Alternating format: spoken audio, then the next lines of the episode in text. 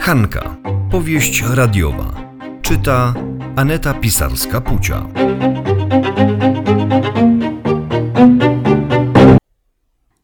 Powieść radiowa Hanka, odcinek 19. Gwiazda. W tym odcinku Kryśka z mamusią przyjeżdżają na wieś na parę dni, troszeczkę odpocząć od zgiełku miasta. Kazikowi jak zwykle nie udaje się do nich dołączyć. W ostatniej chwili szef uziemia go w pracy jakimś pilnym projektem.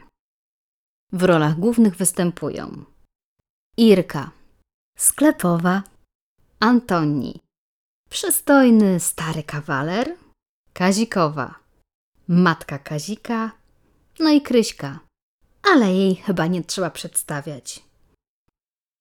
Rzecz się dzieje przed sklepem. Patrz no, patrz, patrz, patrz, Kazikowa idzie z tą swoją synową, powiedział Antoni. Co ty pleciesz, Antoni? Przecie oni z Kazikiem jeszcze nie po ślubie, powiedziała Irka. A no tak, bo to do żeniaczki mnie pilno. Miastowe są, to im nie trza papierka od proboszcza, powiedział Antoni. A zobacz, zobacz, jaka, jaka ona chudziutka, powiedziała Irka. Jak szkapa Maćkowej, ta co w stajni stoi, powiedział Antoni. No ale ładna jest, no przyznaj Antoni, jak aktorka jaka wygląda z telewizji, powiedziała Ircia. A co ty tam widzisz pięknego Ircia?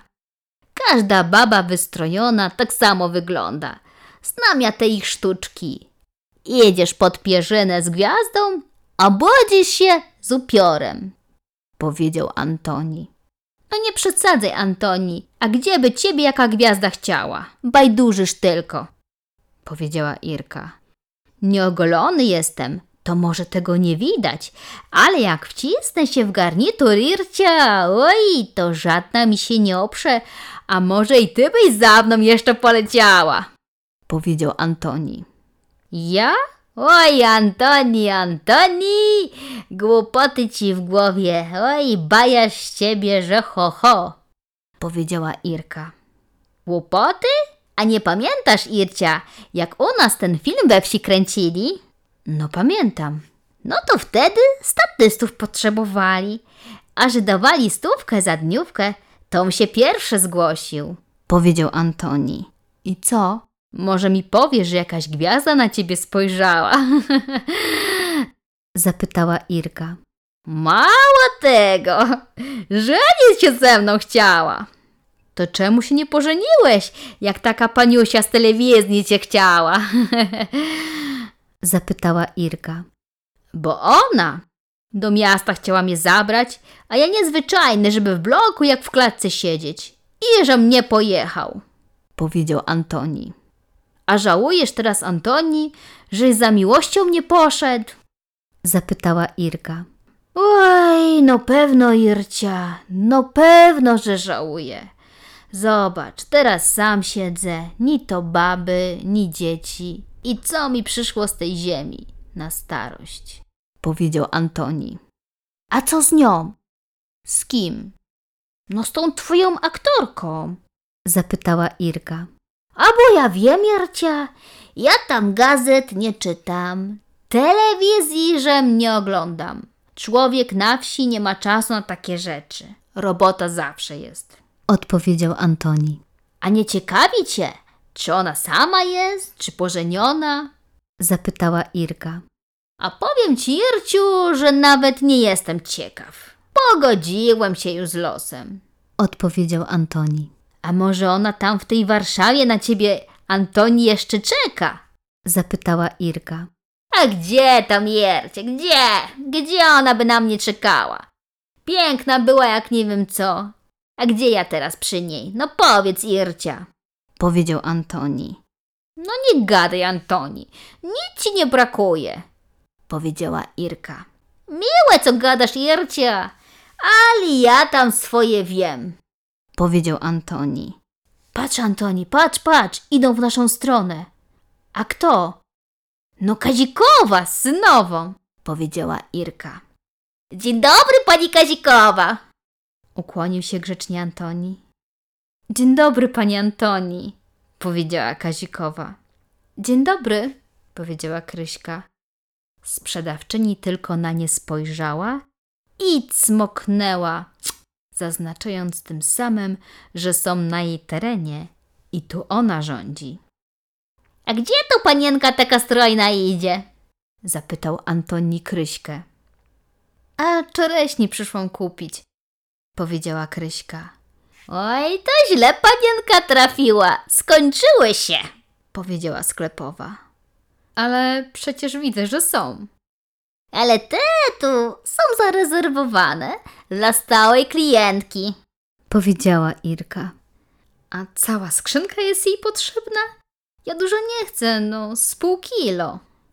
Jak nie dużo, to niech panienka tu z drzewa se urwie, powiedziała Irka. No gdzie ty, Ircia, panienkę na drabinę posyłasz? Powiedział Antoni. Ja nazrywam i przyniosę. Zaoferował pomoc Antoni. No co ty, Antoni, a ty na drabinę dasz radę jeszcze wejść? Powiedziała powątpiewająco Irka. No nie obrażaj mnie, Irciu. A pewno, że dam radę. Odparł Antoni. To dziękujemy, panie Antoni. Będziemy na pana oczekiwać z herbatą powiedziała Kazikowa i skierowała się z Kryśką w kierunku domu, zostawiając za sobą zapach drogich perfum. Łaj, co to za kobieta! powiedział do siebie Antoni na myśl o Kazikowej, nie zauważając, że powiedział to na tyle głośno, że usłyszała to Irka. A co ty, Antoni? Startujesz do naszej Kazikowej? zapytała Irka. A przecież nie ma w tym nic złego. Ona sama jest i ja jestem sam. Widziałaś, jak na mnie patrzyła? Ej, znam ten błysk wokół kobiety. Jak nic, wpadłem jej w oko, powiedział Antoni. No, niczego sobie ta Kazikowa. Masz rację. No to Antoni, nim naniesiesz im tych czereśni, to ogol się i przebierz się w ten swój garnitur. Jestem pewna, że zrobisz na Kazikowej wrażenie, powiedziała Irka. Masz rację, Irciu, Jakub Dartus nie wypada pójść na proszoną herbatkę. A widzisz, Irciu, jak to jest. Człowiek szuka gwiazd, patrząc daleko w niebo, wypatruje, tęskni, a nie widzi gwiazd obok siebie. Hmm, nie widzi takiej kazikowej, powiedział Antoni i zabrał się za zbieranie czereśni. Uważaj tylko, Antoni, żebyś z tej drabiny nie zleciał! Zaśmiała się Irka. Oj, nie bój się, Ircia, o mnie, tylko sklepu pilnuj. Oj, sołtys do ciebie idzie. Do mnie sołtys? A czego on może chcieć? Ircia, albo co zapomniał kupić, albo i on do ciebie w konkury idzie. E, tam Antoś, on do mnie? Ano do ciebie, Ircia, do ciebie. A gdzie on taką drugą gwiazdę we wsi znajdzie? Powiedział Antoni i uśmiechnął się do siebie.